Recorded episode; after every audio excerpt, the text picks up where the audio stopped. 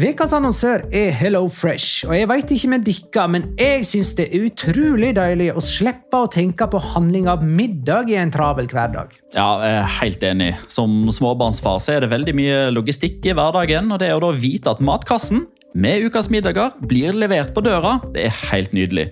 Da slipper du impulskjøp på butikken når blodsukkeret er lavt, og når du kommer hjem, kan du bare ta ut posen med dagens ingredienser fra kjøleskapet og sette i gang matlaginga. Ja, du kan velge mellom 25 ulike retter hver uke. Og de har faktisk en egen kategori som heter Raskt og enkelt, med masse enkle og gode oppskrifter. Veldig greit å ikke måtte ty til takeaway hver gang det er hektisk på jobb. Jeg gleder meg spesielt til sterk chilikylling i min neste kasse. Jeg blir sulten bare av å tenke på det.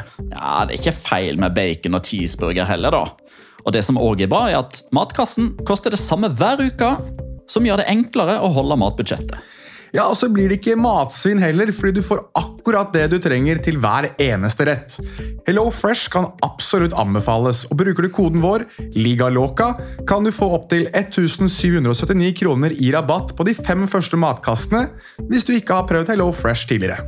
Du kan også prøve koden hvis du har avslutta abonnementet ditt for tolv måneder siden eller mer. Gå inn på hellofresh.no og bruk koden LIGALOCA. Bon appétit! Hallo? Jeg kommer fra Oslo politikammer. Ine Jansen er purk. Er du purk? The motherfucking bitch. Alt jeg vil, er å finne ut hva som skjedde med mannen min. Jon Carew. Er jeg sikta for noe? Iben Akeli. Det er du. Ole So, Lars Berrum og Big Daddy Karsten. Hvem sin side er du på, egentlig? Anette Hoff, Tone Danielsen, Kommer du fra Afrika? Jørnis Josef, Nesten. Kløfta. Trond Espen Seim. Det er synd å si det, men det var feil mann som døde. Purk. Premiere tirsdag på TV2 Play.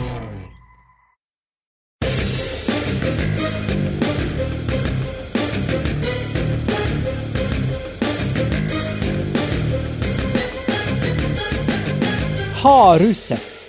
Real Madrid feirer Alaves sin 100-årsdag ubønnhørlig og utklasser jubilanten med 4-1 i Vitoria.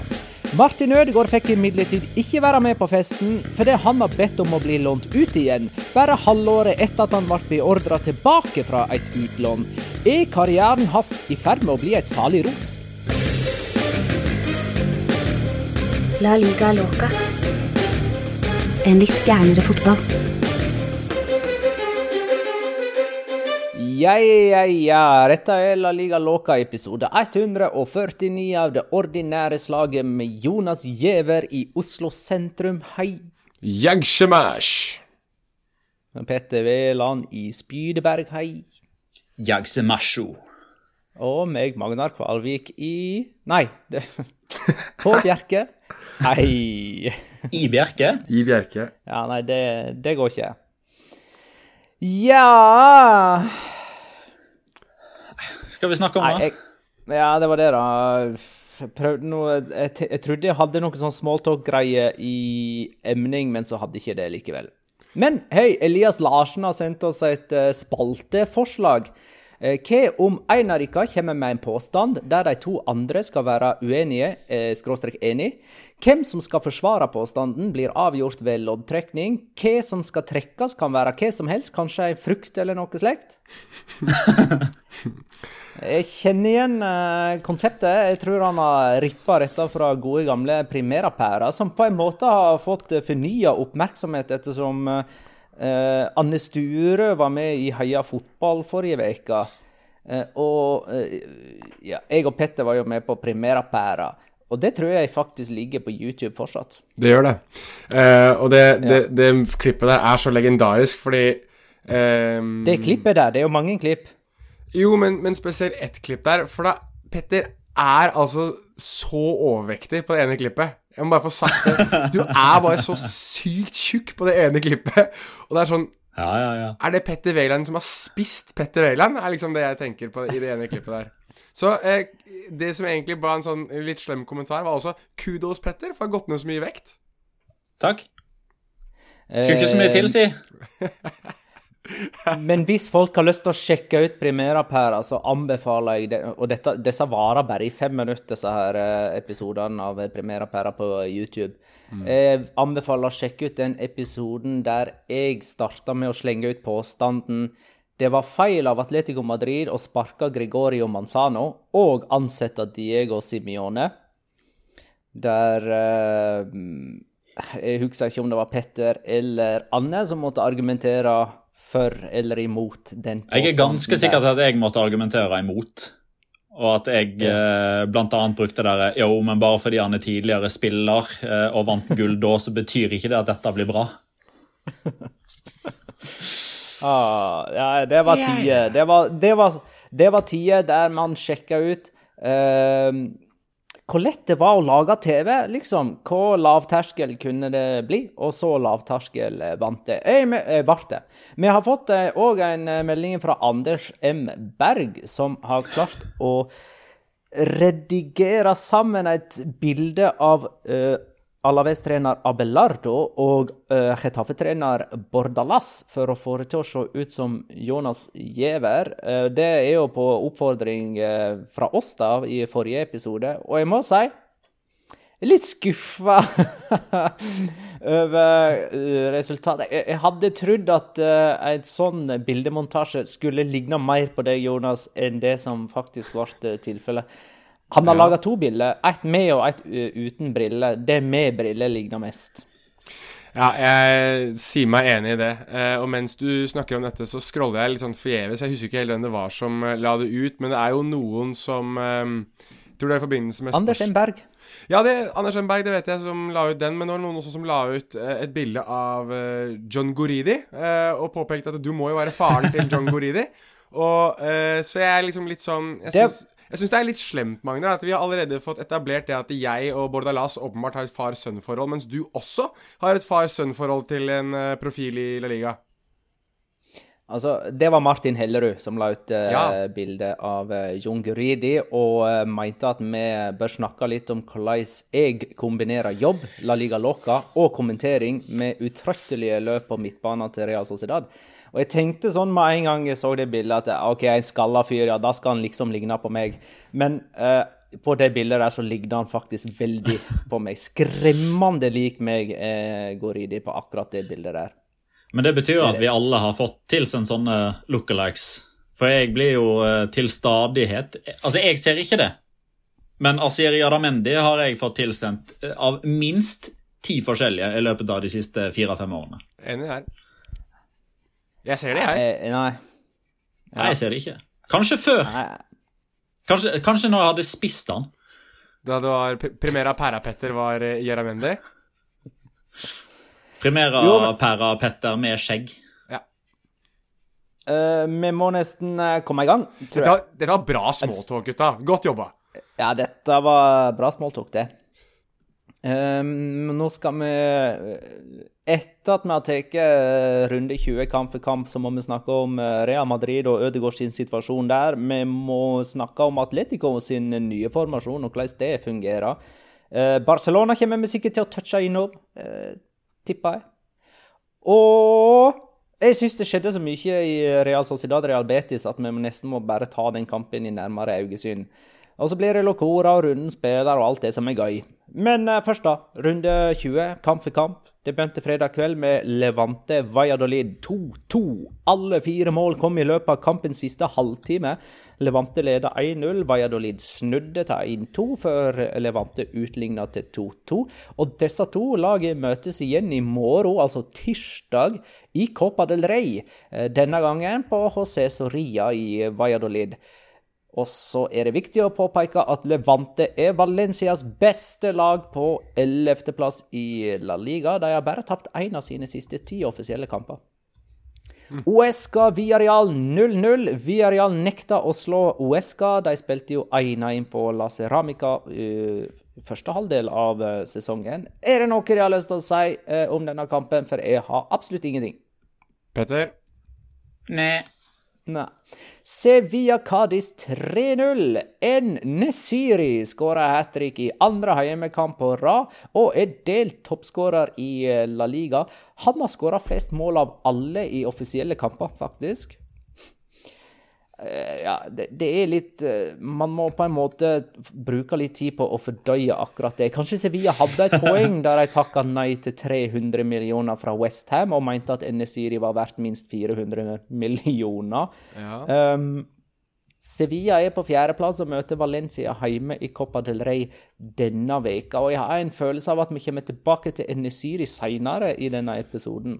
Ja, men er det én ting vi kanskje ikke skal tilbake til, så er det vel Sevilla som lag. Eh, jeg vet ikke helt, Magnar, men jeg kan i hvert fall få skutt inn at det ser ut til at eh, Alejandro Papo Gomez tar turen til eh, Sevilla fra Atalanta.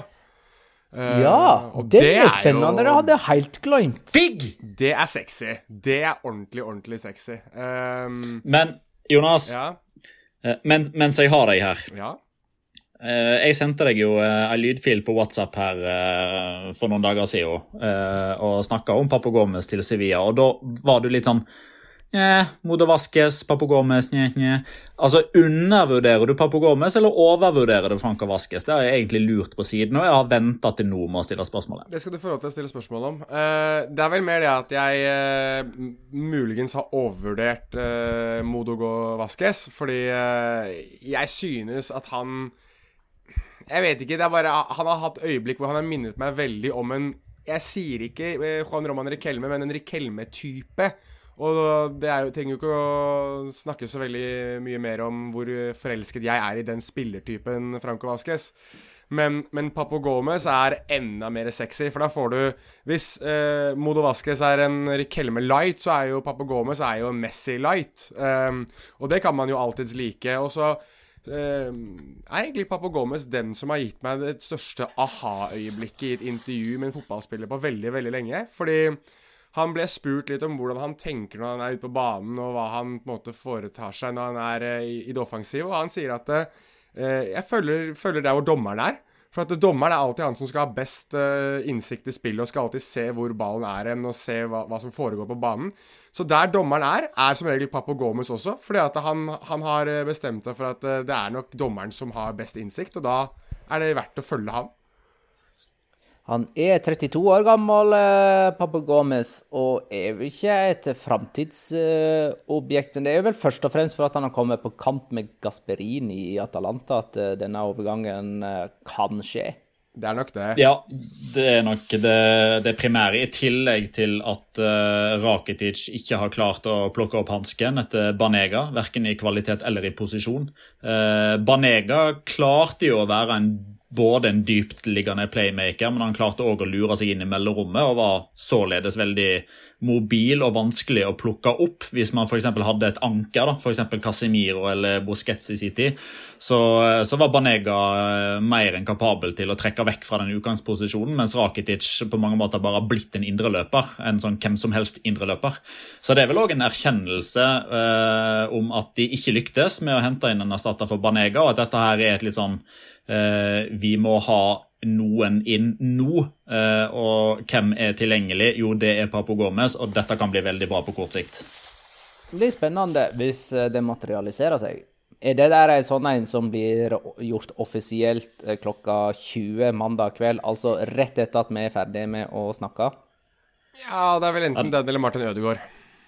Ja, Tipper begge to. Ja, Ja, sam samtidig. Begge to. Og så viser det seg at Martin Ødegaard skal til Atalanta og Papi Gomez til Arsenal. Og så blir alt det vi nettopp har snakket om, bare helt meningsløst. Det, det hadde vært kjempemoro. Ja. Uh, neste kamp eh, i denne runden, det var Real Sociedad mot Real Betis, som endte 2-2. Enda en 2-2-kamp der alle mål kom i andre omgang, og vi kan snakke mer om eh, oppgjøret etterpå.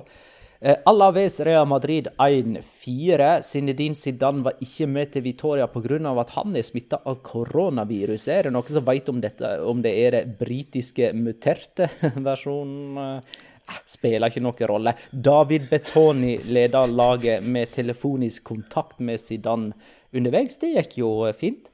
Meira seinere. Sona Granada 3-1. Eh, Osasuna hadde 13 strake seriekamper uten seier før de endelig tok denne trepoengeren. Ante Bodimir ble Osasona sin store helt med to skåringer her. Den første Osasona-spilleren som skåra to i en og samme kamp denne sesongen. Luis Suárez skåra trøstemålet for Granada. Han skåra med andre ord i to ulike kamper for to ulike klubber på en og samme dag. Det har aldri skjedd før. Det hjalp altså ikke stort for Granada, men Atletico Madrid vant sin kamp senere søndag kveld.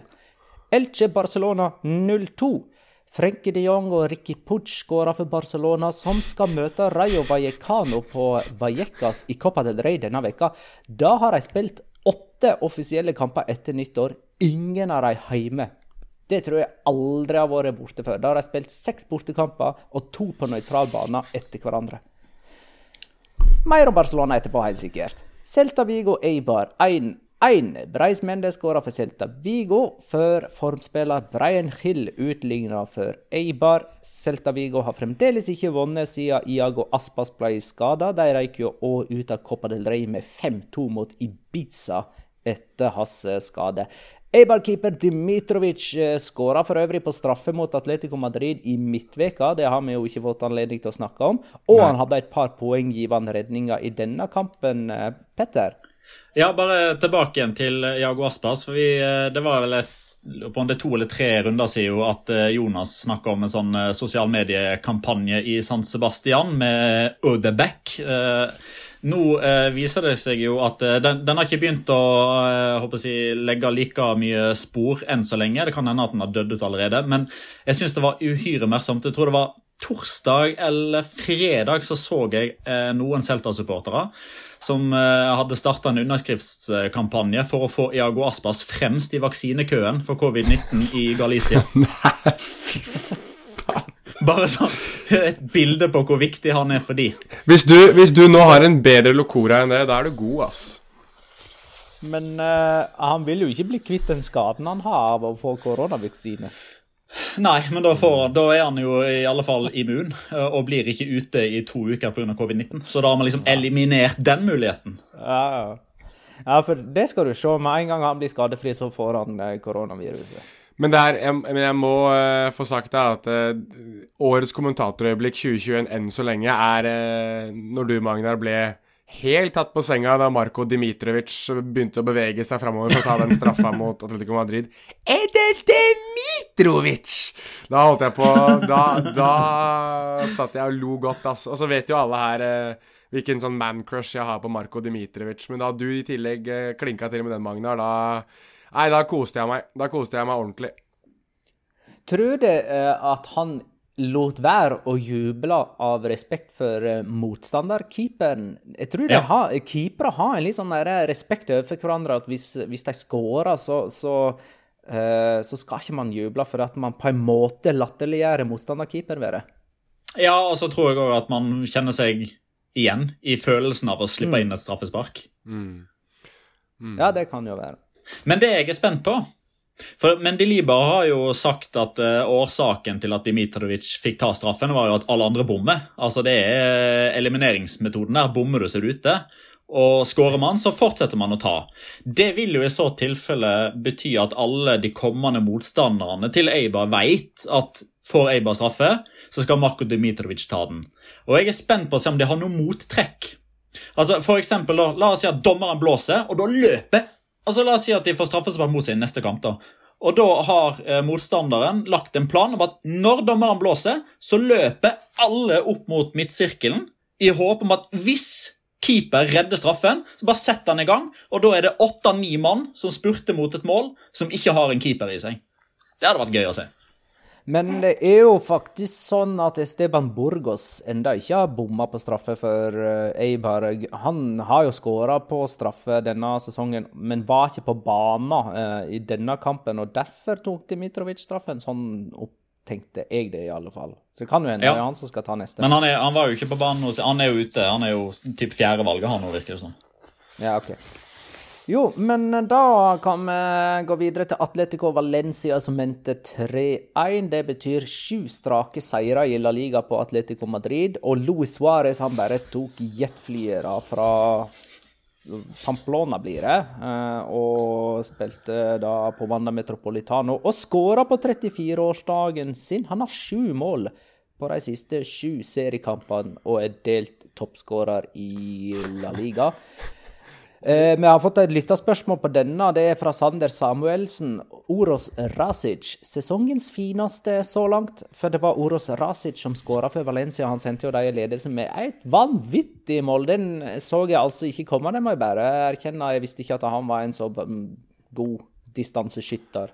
Han hadde jo en lignende mot uh, Eibar. Da var det jo Dimitrovic som klaska den over. Så sånn sett så betyr jo det at Marko Dimitrovic er bedre enn Jan Oblak, da. Ja, der har vi beviset på det. Atletic Getafe. For øvrig var det sesongens fineste. Ja, det vil jeg. Ja Har vi hatt noen, noe som er veldig mye finere? Det Hvis, vi, Kom ikke på noe. hvis, ikke du, hvis ikke du tenker Inyaki Williams i Supercopa-finalen, da. Det kan vi kanskje ikke regne med den, men jeg syns, jeg, jeg syns jo det er litt sånn deilig når ballen smeller i stolpen og inn og sånn, men eh, sånn ellers så tror jeg Med tanke på at det er såpass langt ut og Ja. Soso hadde jo en perle for Ja. Sevilla i midtveka mot uh, Alaves. Uh, Alaves. Og så var det en som skåra et lignende mål dagen etter. Jeg husker ikke hvem det var nå i farten. For hvem mot hvem? Uh, ja, hvem var det? Ja Skal vi se Klarer vi å komme på det? Kennedy var det. For Granada For- mot Villarreal. Ja. Der òg har du en kandidat. Så ja, det har vært noen gode langskudd eh, i det siste. Det er mulig Rasic var eh, den beste, og det er jo på verdens beste keeper, i alle fall en av dem. Atletic Getafe har ikke blitt spilt eh, mens vi sitter og prater. Den går mandag klokka 21. Eller han gikk mandag klokka 21. Marcelino mot Bordalas. Eh, det pleide å bli ganske he heite oppgjør da Marcelino var Valencia-trener. Eh, Jeg vet ikke om han mm, tar den aggressiviteten eller det sinnet med seg inn i Atletic og gjør det til et sånn her hett derby mot Getafe òg. Bare kjapt om eh, altså Våre lyttere vet jo resultatet og kanskje Nei, jeg tror ikke så veldig mange ser kampen, men har fått med seg hvordan det gikk. Eh, og jeg har jo fulgt eh, både spansk fotball og betting ganske tett de siste ja, 12-13-14 årene. Over-underspill i La Liga, altså på hvor mange mål det blir i kampen. Den laveste linja jeg har sett noensinne. Utgangslinja er på 1,75. Jeg har aldri sett lavere. Så det forventes ikke masse mål der av markedet. For å si det forsiktig. Da er vi ferdig med runde 20 kamp for kamp og kan eh, gå litt mer i dybden. La oss begynne med Real Madrid, da, som feirer Alaves sin 100-årsdag med å gruse de 4-1. Kanskje Real Madrids beste kamp eh, denne sesongen. De leder 3-0 til pause, så kanskje det er deres beste omgang, i alle fall, denne sesongen. Jonas? Ja, det synes jeg. Og synes at det, det kommer jo gjerne av at de klarer å sentralisere spillet sitt litt mer. At det virker som Altså, det Det er litt det derre Hva skal jeg si for noe? When all else fails, break glass. Og velg Kroos, Casemiro, Modric og Benzema på topp, så blir det som regel ganske greit. Um, de har eh, stålkontroll i store deler av, eh, av første omgang, og, og eh, det, det, liksom, det, det har blitt så symptomatisk at Casemiro har en scoring når de trenger det. Altså, Det er enten han eller Benzema, og i den kampen her er det jo begge to som virker å varte opp med, med det når de virkelig, virkelig trenger det. Uh, I tillegg så klarte de å spille inn bak den, den litt høye linja til eh, Alaves, og da fikk jo også Eder Hazard, som spilte en ganske fri rolle, egentlig, fikk jo også muligheter etter hvert. så så det var uh, Nei, det var uh, muligens det beste offensivet til, um, til Real Madrid, men, men, jeg synes det er igjen, da, det er litt sånn det har jo vært, har vært tema i, i, Spania nå en liten periode at Zidane ikke klarer å få inn yngre spillere. og Jeg vet liksom ikke helt om det er et sunnhetstegn, at det er liksom den der gamle garden som fortsetter å gjøre det gang etter gang etter gang for dem. Um, spesielt med tanke på at uh, de virker ikke å ha noen plan B. da. Hvis plan A ikke fungerer, så, så er det liksom, da er det ikke noe mer. Men, men igjen, jeg syns også det er interessant at uh, Edre Militao også så ut som han uh, egentlig trivdes ganske greit ved siden av uh, Varan. Så med tanke på at uh, det er mye rykter rundt, rundt, Ramos fortsatt, så er jo det kanskje det stoppeparet de burde begynne å dyrke litt oftere. Og i den kampen her så syns jeg de så ut som de fylte ut hverandre ganske godt. Hvordan går det med Sergio Ramos? og ryktene rundt han?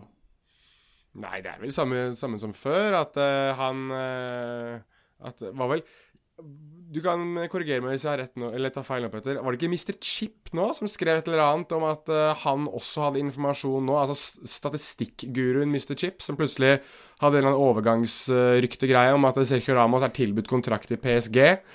Ehm, men så er det jo Altså, i fransk presse sier at det ikke det stemmer, så det er vel PSG det, det ryktes mest om, og så ehm, tror jeg igjen det er en sånn Som- ja, ja?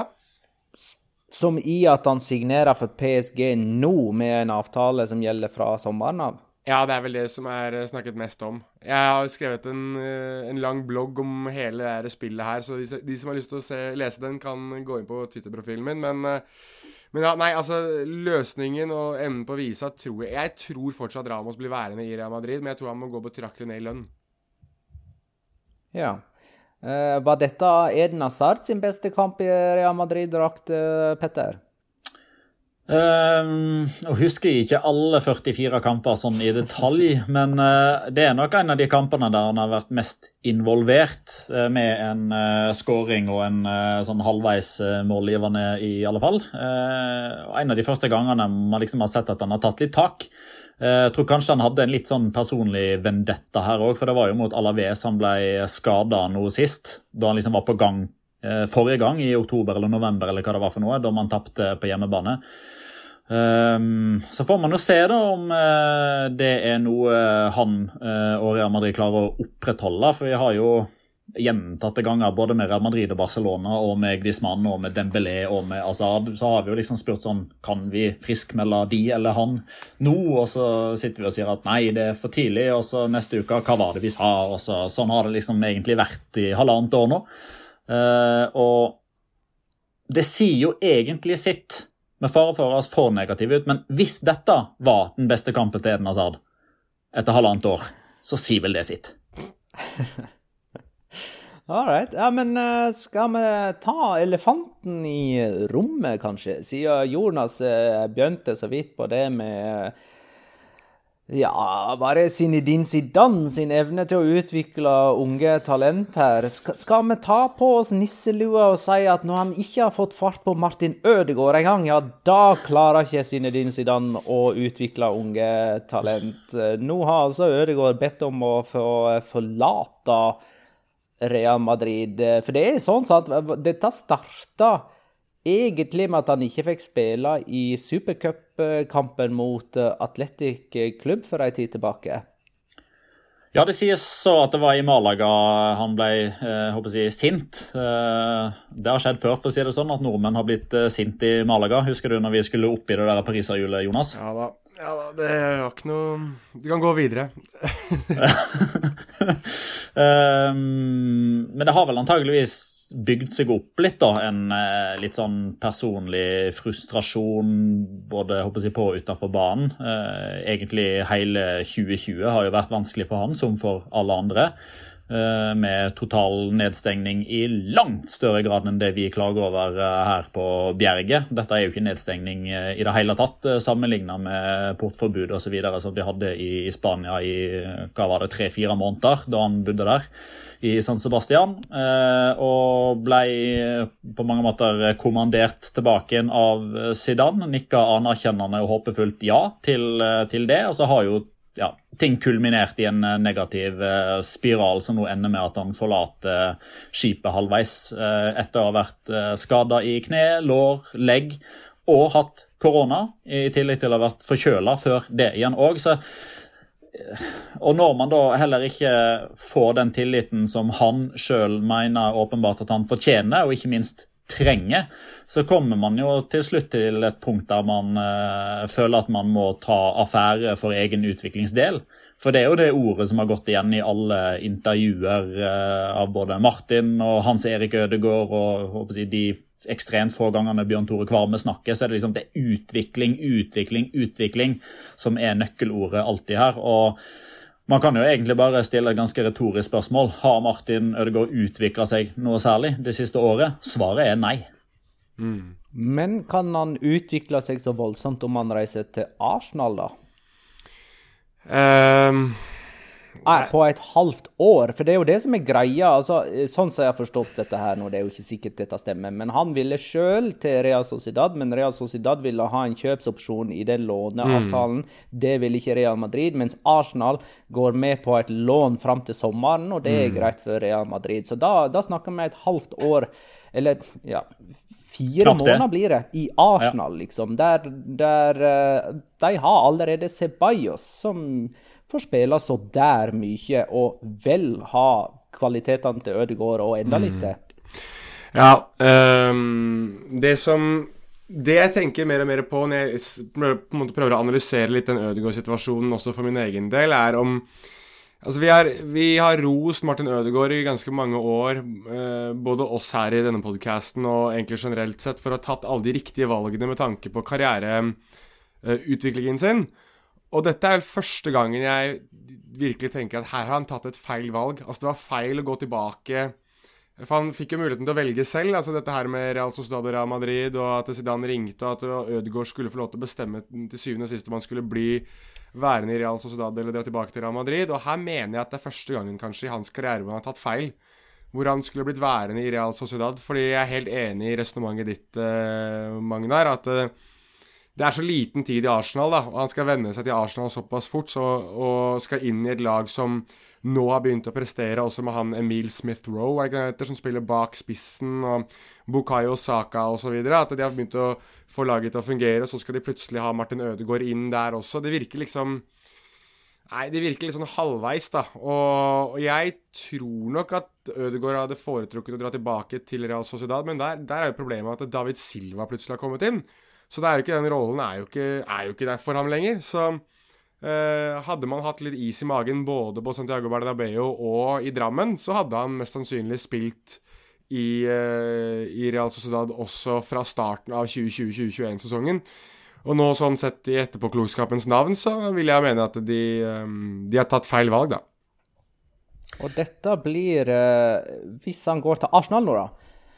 Det kan ikke vi vite akkurat eh, nå når klokka er tre minutter på sju mandag 25. januar. Men da blir det i så fall Ødegaard sin sjette klubb i en alder av 22 år. Og det blir femte året på rad han skifter klubb. I 2017 skifta han fra Castilla til Herenfen, I 2018 fra Herenfen til Vitesse. I 2019 fra Vitesse til La Real. I 2020 fra La Real til Real Madrid. Og i 2021 fra Madrid til Arsenal. Og så blir det jo et skifte igjen til sommeren, da, med mindre man forlenger lånet med Arsenal eh, inn da. Man kan jo komme til nye avtaler, selvfølgelig. Eh, Hva hadde du i tankene her nå, Petter? Nei, bare, Det dukker opp i Twitter-feeden min eh, mens jeg sitter og hører på dere her. Så kommer det opp et, eh, et sitat fra Jorge Valdano. Ja, jeg vet. Eh, Det er jo en mann som er verdt å, å høre på. Tidligere arge- argentinsk landslagsspiller, har vært sportsdirektør i Real Madrid. Nå er han en av de som jobber på spansk TV og kommer sidekommentator på Movistar Pluss. Eh, Som, eh, som sier at det som liksom er hans store tanke i forbindelse med dette Ødegaard vekk fra Real Madrid og til Arsenal eh, jeg Hele saken der er at han, han begynner å bli litt bekymra over mentaliteten til Ødegaard. Når han håper jeg, ved, ved første korsvei og ved første, jeg, første motstandsvei eh, velger å, å, å håper jeg, kaste Real Madrid-drakta. Det er klart, nå sier jo dette her, eh, altså Han sier jo dette her som en mann som elsker Real Madrid over alt på jord. Der er håper jeg, eh, drakta langt viktigere for han enn hva det faktum at Martin Ødegaard er norsk betyr noe for oss. Han lever jo i og med denne klubben her og har et langt større forhold til Real Madrid enn hva vi har til f.eks. Martin Ødegaard. Eh, og da er jeg litt usikker på hva jeg sjøl mener rundt det der. Altså, for at det der utviklingssporet har liksom skjønt hele veien fordi han har vært så ung. Eh, men jeg tenker det at altså sånn fotballmessig så tenker jeg at Martin Ødegaard eh, har opplevd mer og spilt mye mer fotball enn hva en eh, si, normal 21-åring ville ha gjort. Altså Han har jo spilt bortimot A-lagsfotball enten i Norge, Nederland eller Spania nå i fire-fem år allerede. Eh, og så får man lite spilletid, eh, både håper jeg, på grunn av, eh, men òg eh, til tross for eh, skadeproblemer og sykdom osv. Og, så og så velger man liksom det håper jeg, med en gang. da, og, og fordi det er så viktig å få spilletid når han er jeg, 21 år og mellom to og seks måneder. Eh, jeg er litt usikker på hva jeg eh, syns om det, men jeg legger jo merke til at når en mann som Jorge Valdano sier det, så begynner jeg nå i hvert fall å, å, å, å tenke litt på det. Altså, har han hatt for lite tålmodighet her? Eh, altså, hva, hva, har han å tjene på å gå til Arsenal med nye lagkamerater, ny liga, nytt land? Uh, ny runde med smalltalk med 50-60 nye mennesker for å bli integrert, uh, kontra å bli værende og kjempe for, uh, for, plassen sin i Real Madrid. Det er i hvert fall Jeg syns ikke det er sånn helt åpenbart at det er riktig å gå til Arsenal, iallfall. Men forhåpentligvis så tar vi feil. Mm. Jan André Mrazhagen skriver kommer Ødegaard nok en gang til å bli god nok for Real Madrid. Jeg har en følelse av at må, at han må forlate Real Madrid permanent om han skal få fart på karrieren. Mm. Uh, Jeg veit ikke om han noen gang blir god nok for Real Madrid, men jeg venter liksom på at han skal slå seg til ro en plass. Ja, jeg er helt enig med deg, Magnar. Og det er nok det aller viktigste for hans karriere, enten det blir i Real Madrid eller en annen klubb i La Liga eller en klubb i Premier League eller hvor enn det nå er. Altså, han må slå seg til ro snart og finne et sted der han kan holdt å si ha to sesonger på rad, i hvert fall. Da, for det er jo ikke noe han, noe han knapt har hatt. Så um, det er nok det, det mest definerende. Jeg, jeg, lener meg litt på det Petter var inne på, det som Jorge Valdano sa. altså at uh, og det, Overskriften jeg leste, i hvert fall, nå leste jeg ikke saken, men kun overskriften, at han syns Ødegaard har manglet tålmodighet. Og det er jeg litt enig i. Eh, samtidig så tror jeg at han har eh, grunnlag for å være utålmodig. Vi må huske på det at eh, det var rapportert, i hvert fall, og, og Ødegaard har vel selv bekrefta det var en samtale med Zinedine Zidane som gjorde at han dro tilbake igjen til Real Madrid, og som gjorde at han selv trodde at han Eller i hvert fall hadde fått indikasjoner på at han kom til å bli satset på.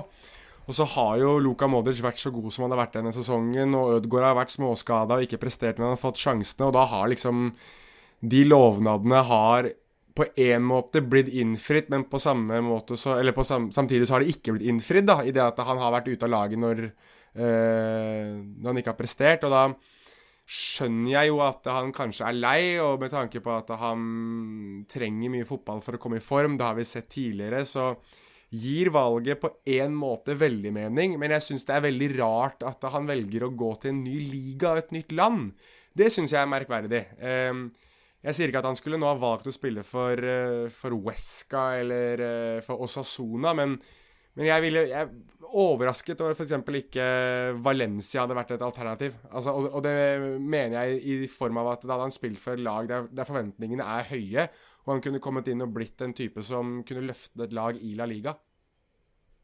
Jeg tenker det samme at Valencia hadde vært et, eh, et kult sted å, å se han. Eh, og da hadde han òg fått håper jeg, testa psyken sin. Eh, for det, det, er ikke, det, er ikke, gull og grønne skoger i Valencia for tida. Nå hadde han riktignok ikke fått eh, de 55 000 hvite lommetørklærne i og med at det ikke sitter folk på, på tribunen der, men eh, Han hadde spilt han hadde spilt kamp inn, kamp ut. Uansett hvis han hadde vært dårlig, så hadde han spilt neste kamp. Så definitivt. Men jeg, jeg, tror man har blitt fanga litt av at uh, det nok ikke var så veldig mange reelle alternativer å spille ja. for i Spania. For på et eller annet tidspunkt så er det ei fallgruve eller uh, noe som står i veien. Uh, altså Jeg tror du kan ta i alle fall 10-11 av klubbene som ikke engang håper jeg, ønsker å være interessert, fordi de skjønner at det, det er ikke liv laga, enten av økonomiske årsaker eller fordi man ligger for langt nede på tabellen, at det er ikke attraktivt nok å spille der. Altså Uesca, Eibar, Retafe, Alaves, Valladolid, den gjengen der. Det tror jeg ikke har vært liksom, eh, ikke på bordet engang som, en, eh, som en mulighet i allerede i første fase av en eh, workshop. Så ryker de klubbene der. Betis, Celta, Villarreal, altså de nest største, eller la oss si tredje største klubbene, da, tror jeg òg ryker. fordi der hvis man ser på de spillerne som er i de posisjonene der, så er det på ingen måte gitt at en eh, litt skadeplaga og uten tillit eh, fylt eh, Martin Ødegaard ikke gitt at, at, de, at, han går inn der og spiller. Nei. Real Sociedad gikk ikke, fordi Real Sociedad ville gjerne ha enten 18 måneder lån eller en kjøpsopsjon, er det jeg hører. Eh, Sevilla ble nevnt av Deportes Quart Quatro bl.a. Men der sies det jo at Real Madrid ikke hadde lyst til å leie han ut til en konkurrent, enten i hjemlig serie eller i Champions League. og Der håper jeg, diskvalifiseres jo Sevilla i så måte. Og Atletico Madrid og Barcelona er jo òg helt uaktuelt av eh, de årsakene. Så, så står man egentlig bare igjen med typ Granada, eh, som ikke er en konkurrent og som kjemper om europacupplass, men jeg tror ikke det var sexy nok i utgangspunktet, og Valencia. Men når man vet at de ikke eier Nåla i veggen. si, nåla i veggen engang, så kan ikke de betale 2,6 millioner euro, eller hva det er for noe, som Arsenal nå betaler for leieavtale og lønn. Så da står man igjen med at det ikke finnes alternativer i La Liga. Da får vi bare ønske Ødegaard eh, lykke til. Det blir spennende å se hvordan det der går. Vi får eh, se videre i La Liga på Atletico Madrid, som i løpet av den siste veka møtte to nedrykkskandidater og slo begge. Først Eibar, så Valencia. Og spiller 3-5-2 om dagen. Er det veien å gå, da, Jonas? Er du imponert?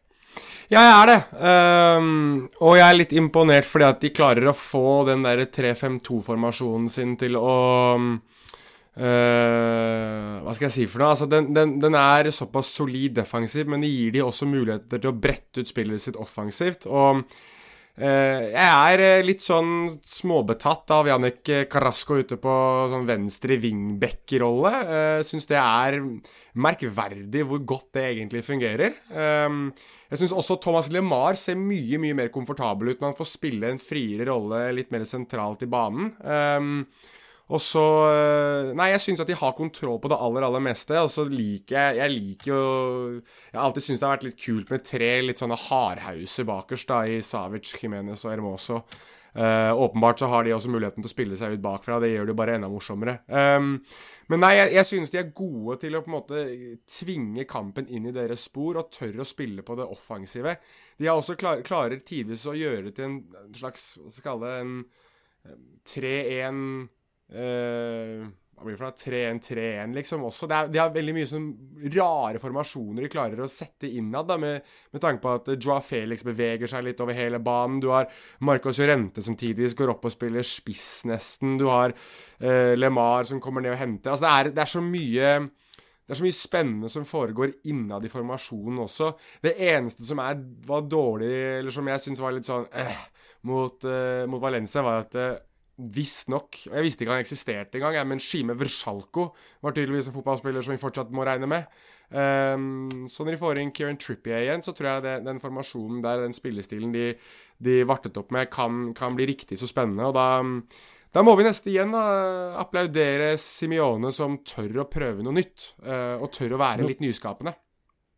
Han tok jo ut uh, Simen Versaliko ganske tidlig i kampen, og så satte han Carasco over på høyre side og Renan Lodi på venstre. og Kanskje det, ja. uh, kanskje det, er sånn det kommer til å se ut framover. Hva du skulle si, Petter?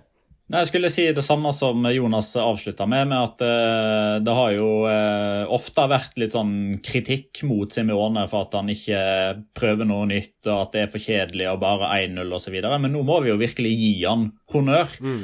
Uh, altså, da de vant La Liga i 2013-2014, så var det jo ofte med altså, Kåke, Gabi Tiago, Raúl Garcia altså veldig ofte, altså Midtbanefireren var fire sentrale midtbanespillere, og i hvert fall tre av dem med sånne defensive fibre. Eh, mens nå så er jo midtbanen egentlig bestående av Kåke, som da var den mest offensive av de fire jeg nevnte der.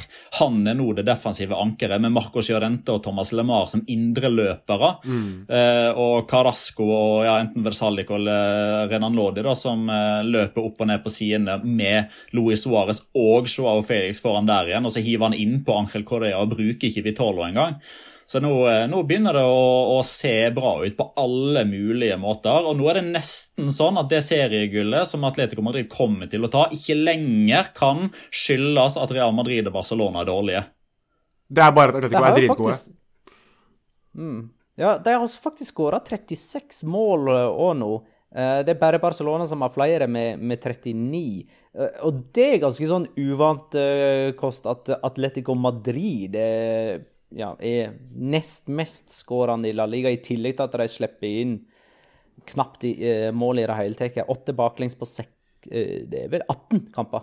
Åtte baklengs på 18 kamper, det er ikke så verst. Luis Suárez har sju mål på de siste sju seriekampene, som jeg var inne på. Han har like mange mål nå i eh, La Liga som det Morata ble toppskåra med forrige sesong for Atletico Madrid. Han slutta jo på tolv. Det eh, ja, Jonas O. Jensen skriver Hvor mange spisser er bedre enn Suárez i Europa per nå? Jonas? Jeg har så lyst til at du skal avskrive Suárez nok en gang på det øverste nivået. Nå ble han altså 34, og i 2017 så avskrev du han på øverste nivå. Det er snart fire år siden. Mm. Jeg har i hvert fall tre som jeg kommer på med en gang, som jeg liksom Ikke noe problem med å si at de tre er bedre. Og det er eh, Robert Lewandowski, eh, Cristiano Ronaldo, for han er jo nå mer ren spiss, og Erling Braut Haaland. Alle de tre er bedre enn Luis Suárez. Um, Er de raskere enn han nå, eller? ja, men Jeg, jeg, Jeg lurte på om vi skulle heller stille spørsmålet hvor mange spisser er raskere enn Suárez i Europa per nå. Da har du mange du kan liste opp. Da tror jeg faktisk jeg kunne muligens ha utfordret Luis Suárez, jeg også. I hvert fall over 60 meter. Der tror jeg faktisk jeg kunne tatt han. Oppriktig. Men, uh, Men altså, det, ja. det kommer jo til stadighet disse her eh, spørsmålene, eller jeg håper å si Jo, mest spørsmål, men òg liksom påstander om at uh, jeg håper å si Barcelona liksom gjorde tidenes tabbe da de lot uh, Luis Suárez gå. Stopp Altså, hvis man setter punktum der, så er jeg uenig. Men hvis man fortsetter setninga med 'til Atletico Madrid', da begynner vi å snakke om at eh, det begynner å bli en sånn generaltabbe. at de, altså Det som er forskjellen på de to lagene, er jo den, altså den poengsummen som Luis Suárez har eh, skåra for, eh, for Atletico Madrid. Altså Hvis du fjerner målene til Atleti, eller som Luis Suárez har skåra for Atletico Madrid, så er det oppe i ni eller ti, eller noe sånt, og der har du avstand mellom Atletico Madrid og Barcelona. Men jeg gir meg pokker ikke på at eh, Luis Suárez hadde gjort det like bra i Barcelona nå hvis han hadde vært der. Altså, da, da, da glemmer man helt hvor man har vært, og hvor man er. Hva man har gått fra, og hva man har kommet til. Man har gått fra en treningskultur i Barcelona som selv Antoine Griezmann står og snakker om ikke er god nok på direktesendt TV, til Profe Ortega sine vinger. Eh, altså, Luis Suárez har nå blitt eh, slim. Eh, Han har eh, blitt eh, mye bedre utholdende. Altså, Når han blir bytta ut nå, så er ikke det fordi han er dausliten. Da er det rett og slett fordi da, da har han gjort sitt. Da er det på tide å endre kampbildet. Da er det på tide nå framover å la Moussa Dembélé få litt spilletid òg. Og som jeg òg har påpekt, og som jeg heller ikke gir på, Luis Suárez er den perfekte Atletico Madrid-spiss for måten de spiller på, i 90-95% av kampene. I Barcelona jeg tar faen jeg, 15-20% kanskje, maks. The Real Slim Suárez, er det det som er hans nye kallenavn nå? Det er vel gjerne tittelen på episoden, det, da. Ja, det kan det godt være. Oi. Ja. Eh, I tillegg til Luis Suárez så skåra jo òg Chau Felix og Angel Correa som kom inn for nevnte Sjau Felix. Så igjen så var det tre offensive spillere som skåra, Jonas. Ja, nei, men uh, jeg har lyst til å spille djevelens advokat, jeg. Uh, for det er lenge siden jeg har gjort. Og stiller dere begge to spørsmålet. Hvis det hadde vært like mulig å få Luis Suárez og Edinson Cavani for Atletico Madrid Hvis de kunne ha valgt i sommer om Cavani eller Suárez, hvem tror dere sånn oppriktig de hadde valgt? Hvis de kunne nå hvis, Fordi det vi vet, er jo at Kavani Cavani kostet så mye fordi det var en ut, altså han skulle betale sånn sign-on-fee, og agenten han skulle ha masse penger. Det var kun Manchester United til slutt som hadde råd til, slu, til på slutten av vinduet der. Men hvis eh, Atletico Madrid hadde fått samme avtale på Cavani som de fikk på Suárez, tror du de hadde valgt Cavani eller Suárez? Jeg tror de hadde valgt Cavani. Petter? Det tror jeg òg. Ja, da er vi enige. Da er vi faktisk enstemmige. Og, det, og greia da er at uh, Men det er ikke sikkert at det hadde, hadde, hadde gått like bra. Nei. For Luis Suárez har overraska positivt. Selv om jeg mente at han var helt perfekt for dem, så hadde jeg ikke sett for meg at han skulle skåra 12 på 15. Nei, jeg, jeg er helt enig med deg. Altså, jeg, men jeg mener at Luis Suárez har overprestert kontra hva uh, man hadde trodd. Selv om jeg, vi var ganske enige også da han var på vei til Atletico Madrid, at dette her var den perfekte typen. Men jeg hadde aldri forestilt meg at han skulle ligge an til Altså, OK, greit nok, nå hadde jeg ikke forestilt meg at Josef N. Nesiri skulle ligge der oppe heller, men jeg hadde aldri forestilt meg at Luis Suárez skulle være toppskårer i La Liga for Atletico Madrid. Aldri.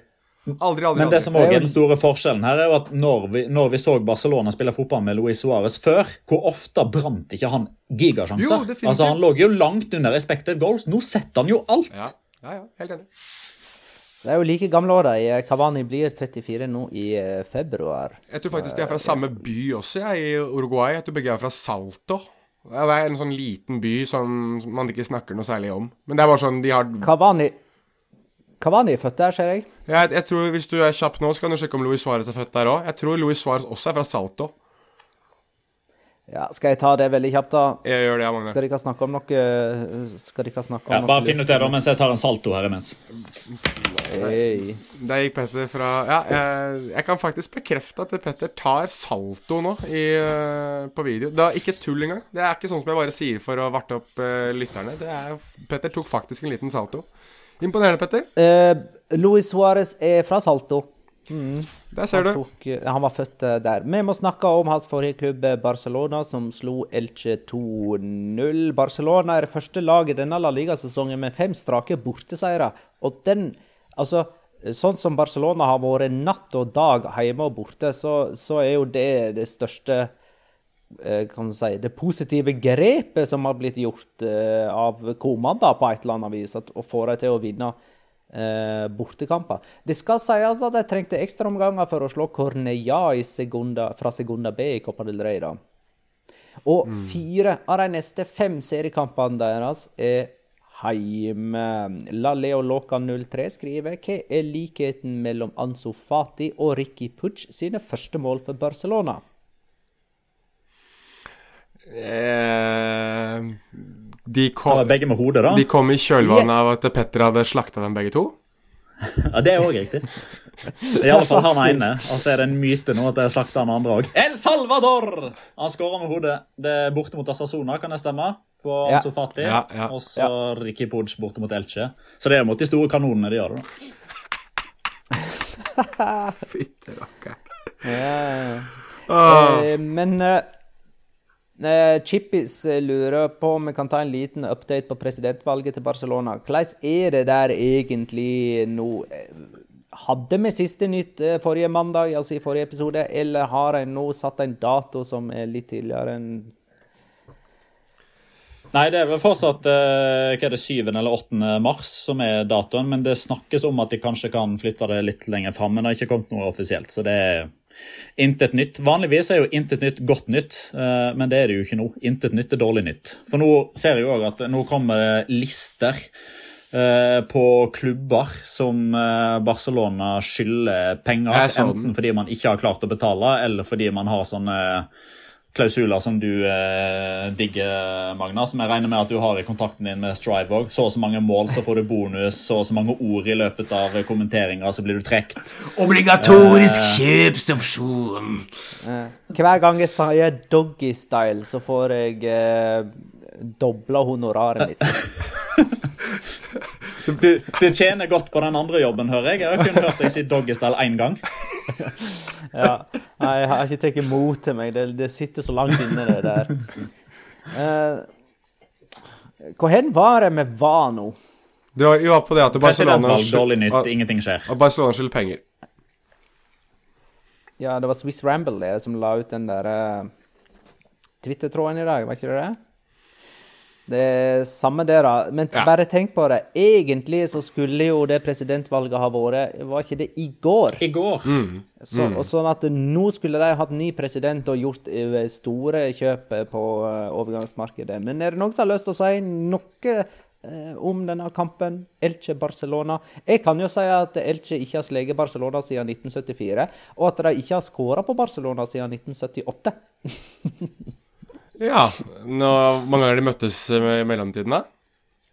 Er det noe Nei, det kan ikke, Nei, det er sånn sånn åtte, ni, ti ganger. Ja. Så det er, ikke så, det er ikke så mye. Nei, jeg, eh, jeg synes øh, egentlig at uh, Marc-André Ter Stegen burde få en øh, takk her. Altså Greit nok at, uh, at Rigoni ikke er verdens øh, største goalgetter, men han er alene igjennom med Ter Stegen. Og, og det er en blekksprutarm der, vel, eller fot, eller hva det får til slutt bli for noe fra Ter Stegen som gjør at det ikke blir scoring. Og øh, han har noen av de der redningene der, Ter Stegen, som ikke blir snakket nok om. Jeg har jo, vi har jo tidligere diskutert det at La Liga har begynt å bli en sånn keeperliga. At de aller fleste lagene har en veldig, veldig god keeper. Um, og her føler jeg at Ter Stegen igjen viser at han er topp ja, skal jeg si for noe? Topp fem i verden. Eh, det er jo verdt å merke seg at den eh, sjansen kom etter en forsvarstabbe i Barcelona, og jeg føler det er minst én sånn stor glipp i det forsvaret til Barcelona i hver kamp. Så det, det, det er liksom sånn OK, de vinner 2-0, men det føles ikke som de har kontroll på kampene sine Nei. likevel. Det føles som det kan gå gale når som helst. Husker du den gangen de har Samuel noe- Omtiti var god? Ja. Det var fine dager. Ja. Spesielle dager. Det var veldig spesielt. Høsten 2017 så var han faktisk verdens beste midtstopper. Ja, ja.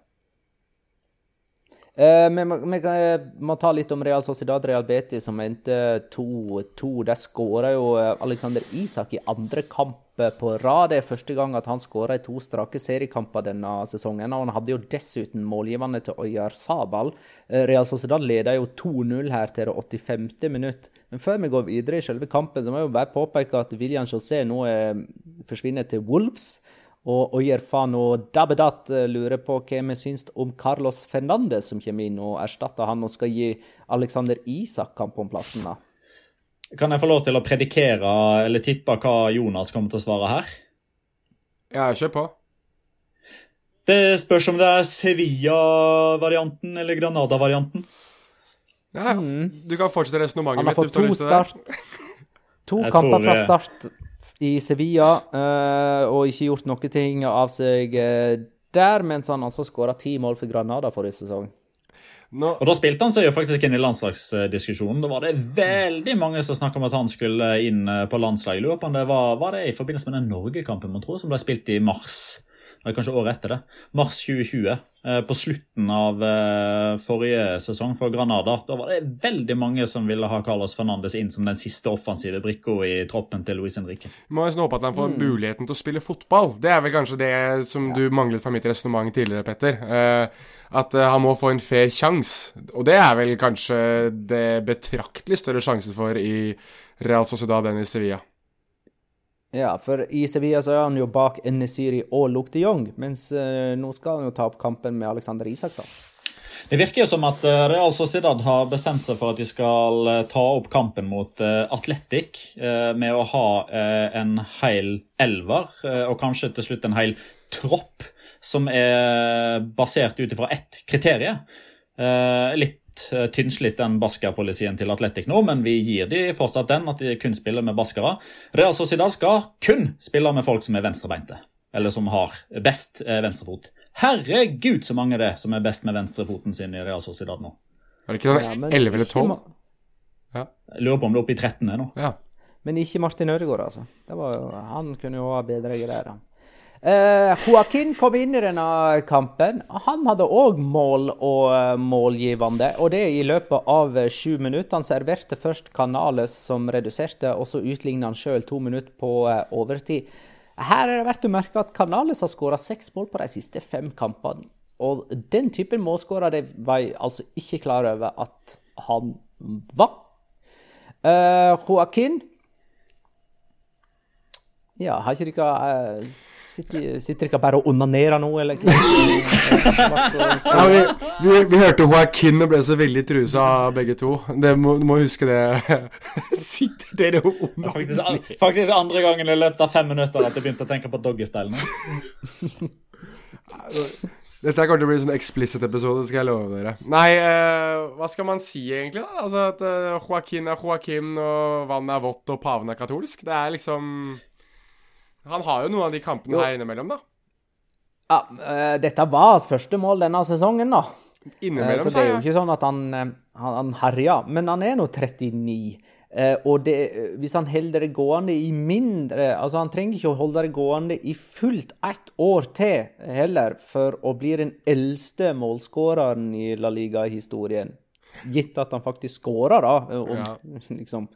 Ja, og få får, og får kontrakt. Han har jo Ja. bare kontrakt ut eh, sesongen nå, så det kommer sikkert en sånn der morsom underskriftskampanje i den grønne og hvite delen av Sevilla snart òg. Men, men var det Jeg så at Joaquin la ut et bilde av seg selv der han sto og holdt rundt Ferenc Puskas. Er det noe sånn at han har gått forbi Puskas da? Som at han var eldre Stemmer. enn Puskas? Ja, mm, det gir det mening. At Ja, nå er han den fjerde eldste gjennom tidene. OK, mm, da gir det mening. Og han er vel den, òg den spilleren som har eh, en, jeg flest dager mellom sin første og siste skåring i La Liga. Jeg lurer på om det er 19 år og et eller annet jeg, mellom det første målet og det foreløpig siste nå. Han har nå skåra i 18 La Liga-sesonger, eh, og det er snart rekord. Han har 20 totalt, så han skårer jo i to i Serie A da, for Fiorentina eh, mellom Valencia og Betis der, vel. Eh, og jakter rekorden som eh, Det er vel Ryan Giggs som har den. 23 på rad. Mm, høres riktig ut, det. Kan jeg få loggført én ting før du går videre, Magnar? Ehm, Største spriket mellom første og andre keeper i La Liga, altså med keepere som spiller, da, Ja, ja. det er altså Claudio Bravo ned til Joel Robles. Altså, det er jeg, altså, Det var litt i den diskusjonen på Twitter om det her, men Altså, jeg, jeg, jeg, jeg, jeg klarer ikke med Joel Robles. Jeg klarer det ikke, altså. Jeg blir, al- al- jeg blir fysisk uvel av å se han spille, spille keeper. Jeg blir Han hadde en ny tabbe nå, da, på skåringen til Magnar, jeg Alexander klarer ikke mer. Jeg klarer ikke mer. Men jeg eh, du må ikke. nok leve med det, for det at disse to lagene skal møtes igjen i Copa del Rey i morgen, altså tirsdag. Denne gangen da på Benito Via Marin, og det blir sikkert med Joel Robles i uh, Betis. Men de har vel en guttekeeper som kan ta den kampen der, vel? Hvorfor kan ikke det? Vi må kåre rundens spiller, folkens. Jeg Jeg eh, tror Petters er nominert til nummer tre. Uh, ja, for dere tok jo de to uh, soleklare, så jeg måtte tenke litt. Vurderte lenge Ante Bodimir, uh, som jeg så at du reagerte på. Så han skal få litt, han skal få litt kos, men han Takk. stopper her. Eh, for jeg vil heller snakke litt om uh, Marcos Llorente, som vi har snakka om eh, både titt og ofte. Eh, I mange forskjellige posisjoner, og alle posisjonene han har spilt i 2020, er jo nye for hans del. Eh, for fram til eh, og med 2019 så har han jo bare spilt defensiv midtbane. Du vinker, Jonas. Jeg hadde lyst til å spørre om doggystyle er den posisjonen han har spilt i. Men uh, vær så god, gå videre. Jeg, Jeg, jeg tipper han er, flink, han er flink til å spille andre gode i doggystyle, eh, tror jeg vel heller. eh, Basert på det intervjuet som han gjorde med han Twitch eBay. Ja. For det er jo faktisk en, en snakkis i, i Spania nå. Vi er ferdig med Marcos Jodente for øvrig. Han får tredjeplassen, han var god. Uh, eBay er jo en sånn Twitch-legende i, uh, i Spania som nå for første gang hadde med seg to stykker på en sånn Twitch-samtale der han eh, i regi av La Liga eh, kommenterte Atletico Madrid mot eh, Valencia og hadde typ studiosending før og etter med spillere og tidligere trenere osv. med på, på linja. Så eh, vi blir eh, trua fra alle bauger og kanter, eh, vi som jobber i TV og media. Det kommer nye konkurrenter hele tida, så kanskje vi skal starte en Twitch-kanal sjøl. Jeg er ikke imot i den. Um, jeg veit egentlig ikke hva det er for noe.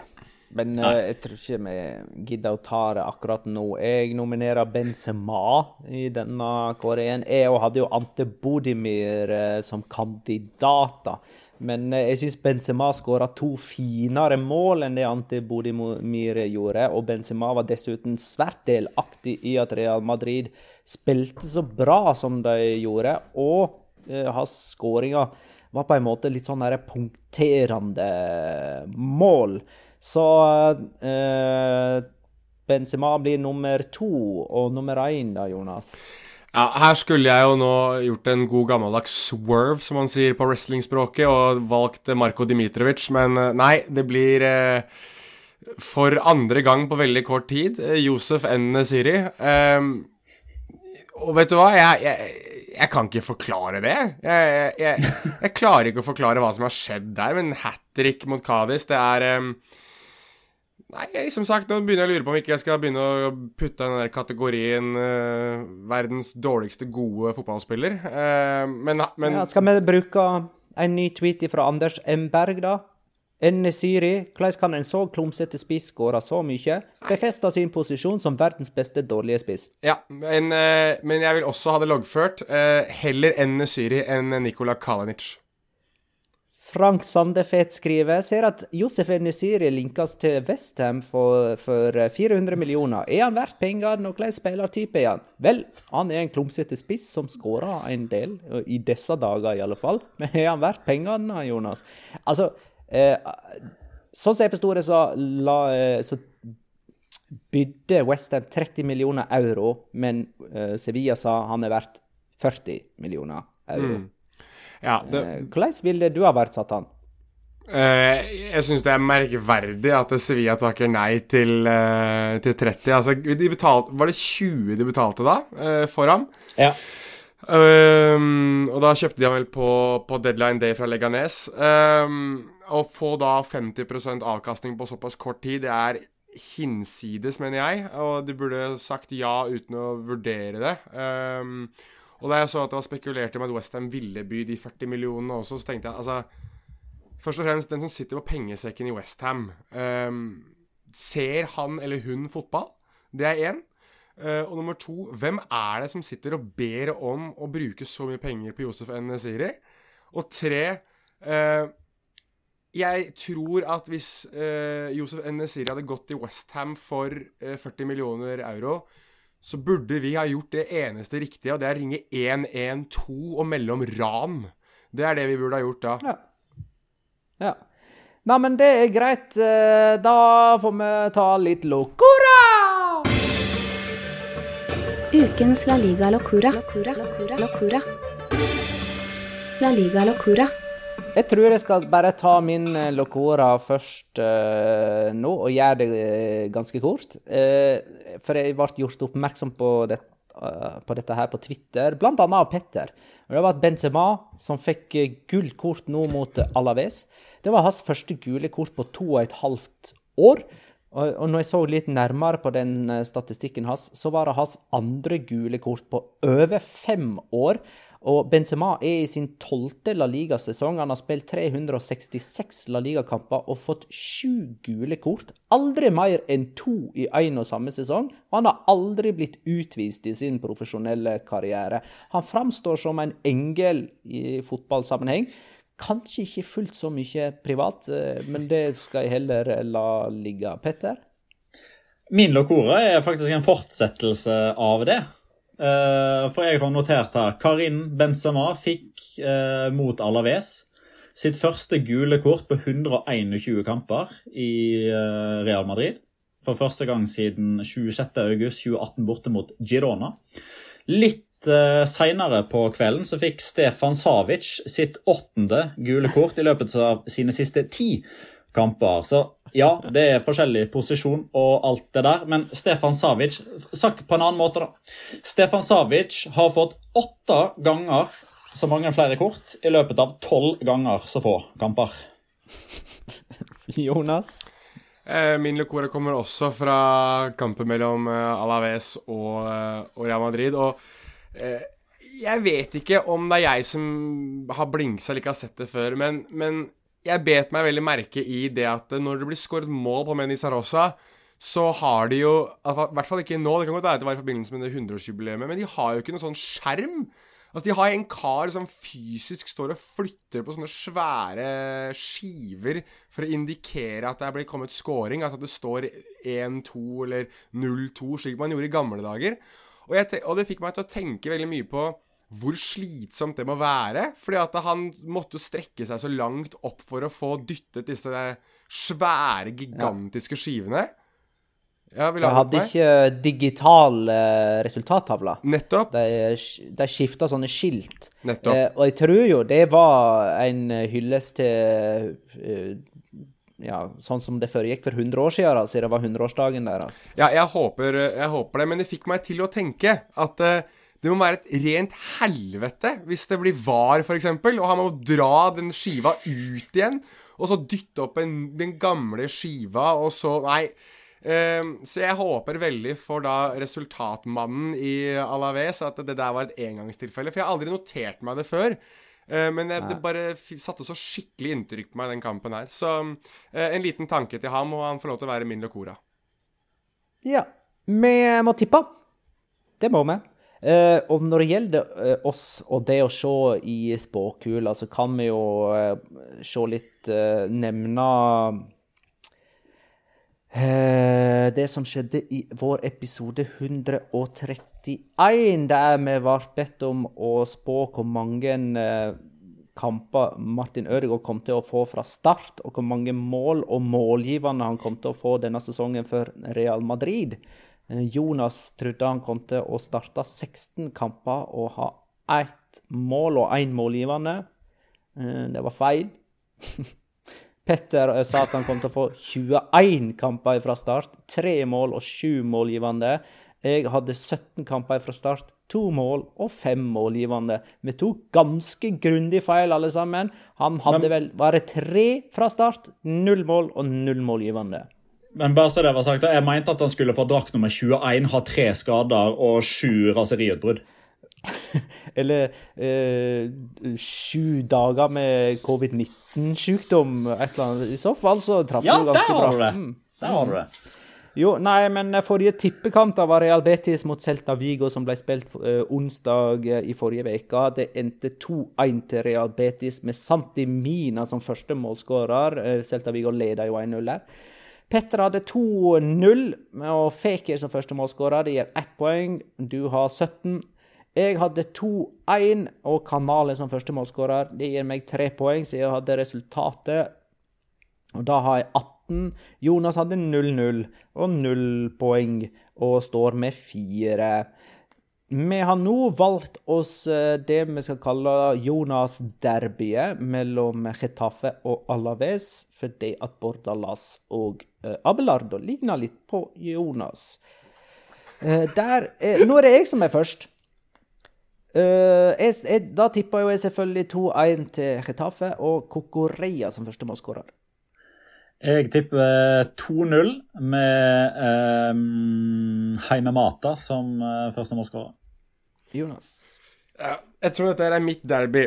Og det er da far og han som ser litt ut som meg, han også på Alaves-benken. Og jeg har vært veldig stor fan av han i lang tid. Så vet jeg at uh, di disse to gutta kommer ikke til å skuffe meg. Uh, og de kommer ikke til å skuffe noen av dere heller. For dette her, det ender 0-0.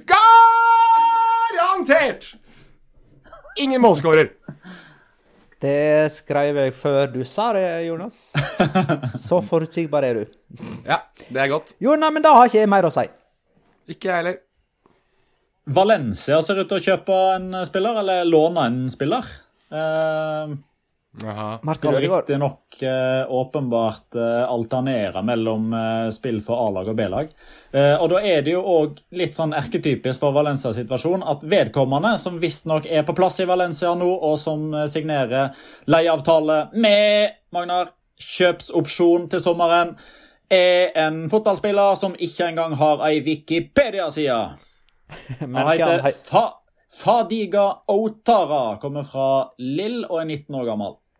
Spennende. Spennende. Eller ikke. Nei, men uh, da takker vi for alle innspill og spørsmål til denne episoden. Tusen takk for at du lytta, kjære lytter. Ha det, da.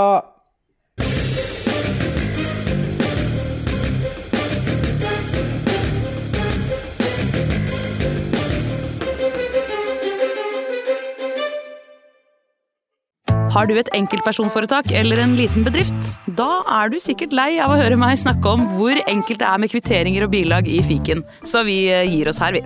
Fordi vi liker enkelt. Fiken superenkelt regnskap.